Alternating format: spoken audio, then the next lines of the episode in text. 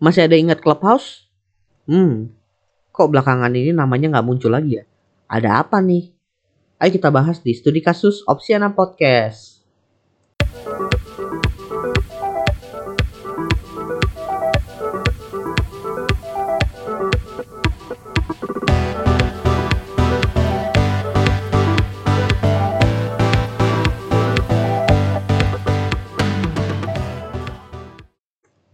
Halo semuanya, selamat datang kembali di Opsiana Podcast di studi kasus. Akhirnya gue bisa ngebuat studi kasus juga.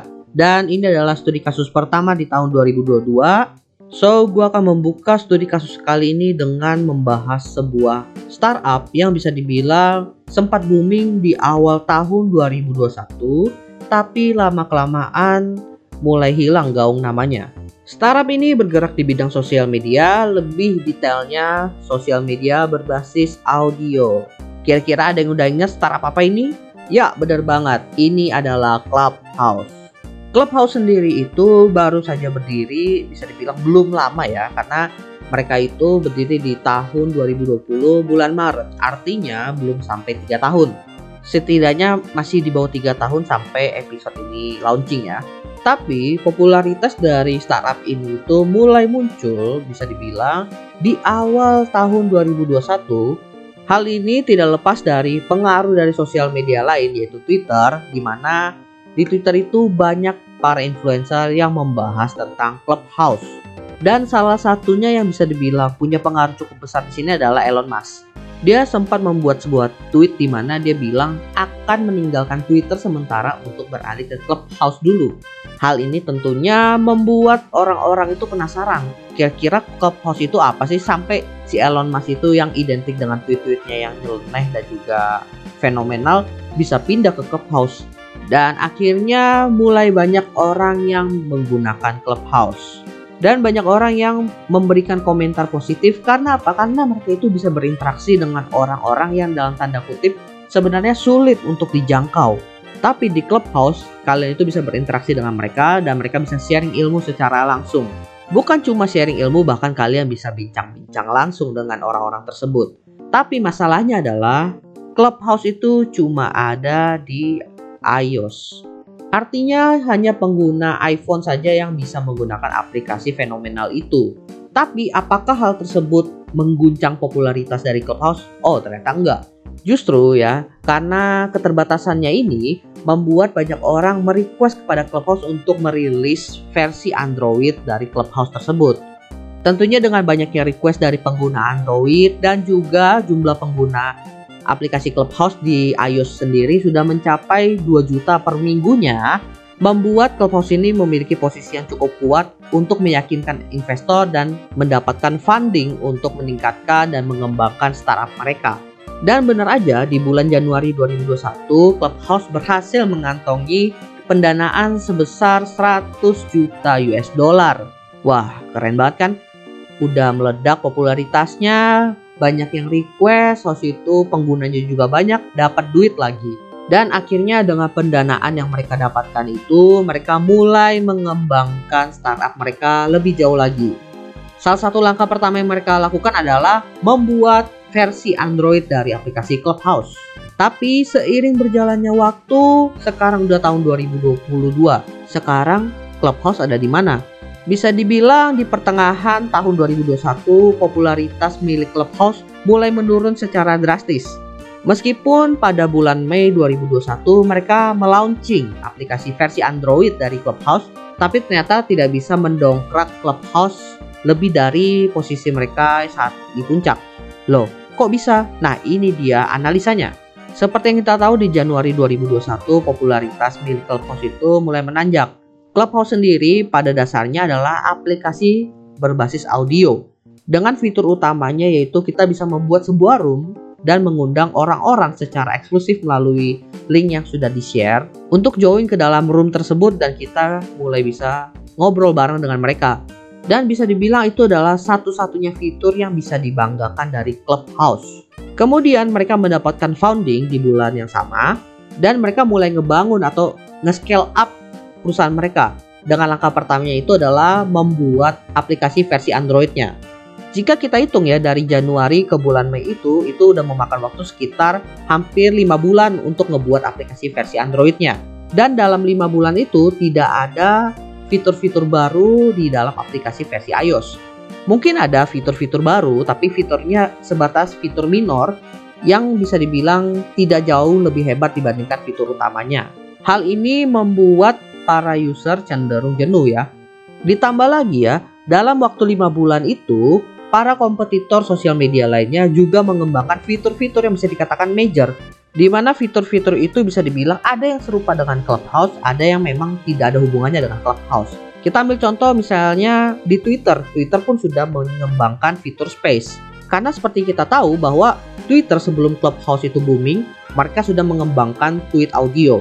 Which is jauh lebih masuk akal kalau seandainya mereka mengembangkan Space dengan meniru kesuksesan dari Clubhouse.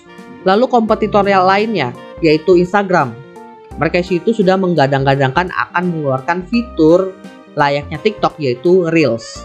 Lalu TikTok sendiri pun meskipun tidak mengembangkan fitur yang berhubungan dengan sosial media, tapi mereka mengembangkan banyak fitur yang berhubungan dengan fitur bisnis seperti live streaming, lalu live streaming commerce, dan TikTok bisnis. Fitur-fitur yang gue sebutkan tadi bisa dibilang adalah fitur yang sangat besar Keberadaan fitur ini pun bisa membuat para user dari sosial media lain itu terdistract dan beralih ke sosial media tersebut. Belum lagi ya, mereka pun tidak berhenti kepada fitur baru, mereka juga terus meningkatkan kualitas dari fitur-fitur yang sudah ada. Misalnya TikTok yang terus menambah filter baru dan juga kualitas editing dari aplikasi mereka. Dan juga Instagram yang mulai membuka akses terhadap fitur-fitur eksklusif para influencer yang bisa dibilang butuh followers berapa ribu dulu untuk bisa akses. Kini dibuka aksesnya untuk publik. Tentunya hal ini menutup popularitas ya dari Clubhouse itu sendiri. Meskipun Clubhouse itu adalah startup yang bisa dibilang sangat baru, justru ya posisi mereka adalah startup yang baru, mereka harus terus berinovasi mengeluarkan fitur-fitur baru dengan tujuan membuat user itu tidak jenuh menggunakan aplikasi mereka. Dan hal tersebut tidak dilakukan oleh aplikasi Clubhouse dalam kurun waktu 5 bulan tersebut mereka justru hanya memenuhi kebutuhan dari pengguna Android dengan merilis aplikasi versi Androidnya dengan fitur yang sama tanpa ada fitur yang bisa dikatakan benar-benar major dan baru. Dan yang paling parah di sini adalah Clubhouse menghilangkan salah satu ciri khas unik dari aplikasi mereka yang justru membantu mereka mendapatkan popularitasnya, yaitu mereka menghilangkan eksklusivitas. Artinya apa? Artinya semua orang bisa bikin room dan semua orang bisa masuk ke dalam room tersebut tanpa menggunakan link lagi. Dan tentunya hal ini membuat user merasa tidak spesial lagi ketika mereka bisa join dengan orang-orang ternama, para selebritis, para influencer, dan para pebisnis sukses. Karena ya semua orang bisa join di sana tanpa melalui link. Dan sampailah pada penghujung tahun 2021. Semenjak popularitas Clubhouse itu menurun, seharusnya startup Clubhouse itu bisa membangun fitur-fitur major yang bisa dikatakan cukup besar untuk menarik minat para user untuk kembali menggunakan aplikasi Clubhouse-nya. Tapi faktanya, Clubhouse hanya merilis fitur-fitur minor yang cenderung tidak engage dengan user lainnya. Salah satunya adalah fitur replay di mana kita bisa memutar kembali percakapan dari room yang telah kita ikuti. Lalu ada juga fitur klip di mana kita bisa memotong klip audio dari ucapan seseorang. Fitur-fitur tadi yang gue sebutkan adalah fitur-fitur yang bisa dikatakan hanya untuk meningkatkan kenyamanan user secara personal tanpa meningkatkan engagement. Sehingga kalau mau engage ya pakai fitur yang itu-itu aja lagi. Ditambah, Clubhouse juga baru saja merilis platform versi website dari aplikasi Clubhouse-nya. Dan balik lagi, fitur yang ada ya fitur itu lagi.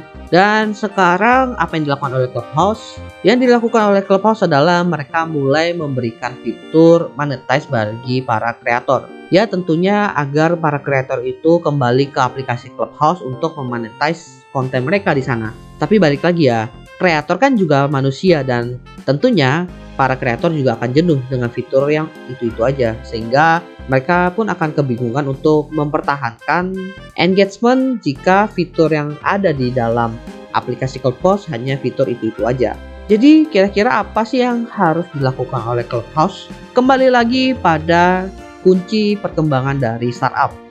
Kunci perkembangan dari startup itu adalah inovasi. Oleh karena itu, Clubhouse itu harus bisa menghasilkan sebuah inovasi yang bisa dikatakan besar dan juga gila seperti ketika mereka baru melaunching aplikasi mereka. Dan tentunya inovasi ini harus masif karena ketika Clubhouse itu booming, saat itu lagi booming-boomingnya sosial media berbasis video. Tiba-tiba muncul nih sosial media berbasis audio yang melawan arus. Hal ini bisa menjadi salah satu tantangan yang cukup berat bagi Clubhouse ya. Karena selagi mereka memikirkan inovasi yang bisa dikatakan cukup besar dan gila, mereka pun harus tetap bertahan dari persaingan dengan sosial media lainnya. Di mana yang kita tahu persaingan antar sosial media itu sangat berdarah-darah. So, kita tunggu aja di tahun 2022 ini apa yang bisa dihasilkan oleh Clubhouse Apakah Clubhouse itu masih akan menggunakan strategi yang sama yaitu bertahan dan menghasilkan fitur-fitur minor atau mereka berani berinovasi untuk mengalahkan para sosial media lainnya. So, kita tunggu aja permainan di tahun 2022 ini seperti apa. Oke, okay, gua rasa itu aja untuk pembahasan studi kasus di Opsiana Podcast kali ini. Semoga bermanfaat. Jangan lupa teman-teman follow Instagram Opsiana Podcast di @opsiana media karena di sana akan ada update seputar episode terbaru dari Opsiana dan juga video pembahasan eksklusif yang akan ada hanya di Instagram. So, jangan lupa follow dan pantengin ya. Oke, itu aja. Sekali lagi terima kasih buat teman-teman. See you next time di episode selanjutnya.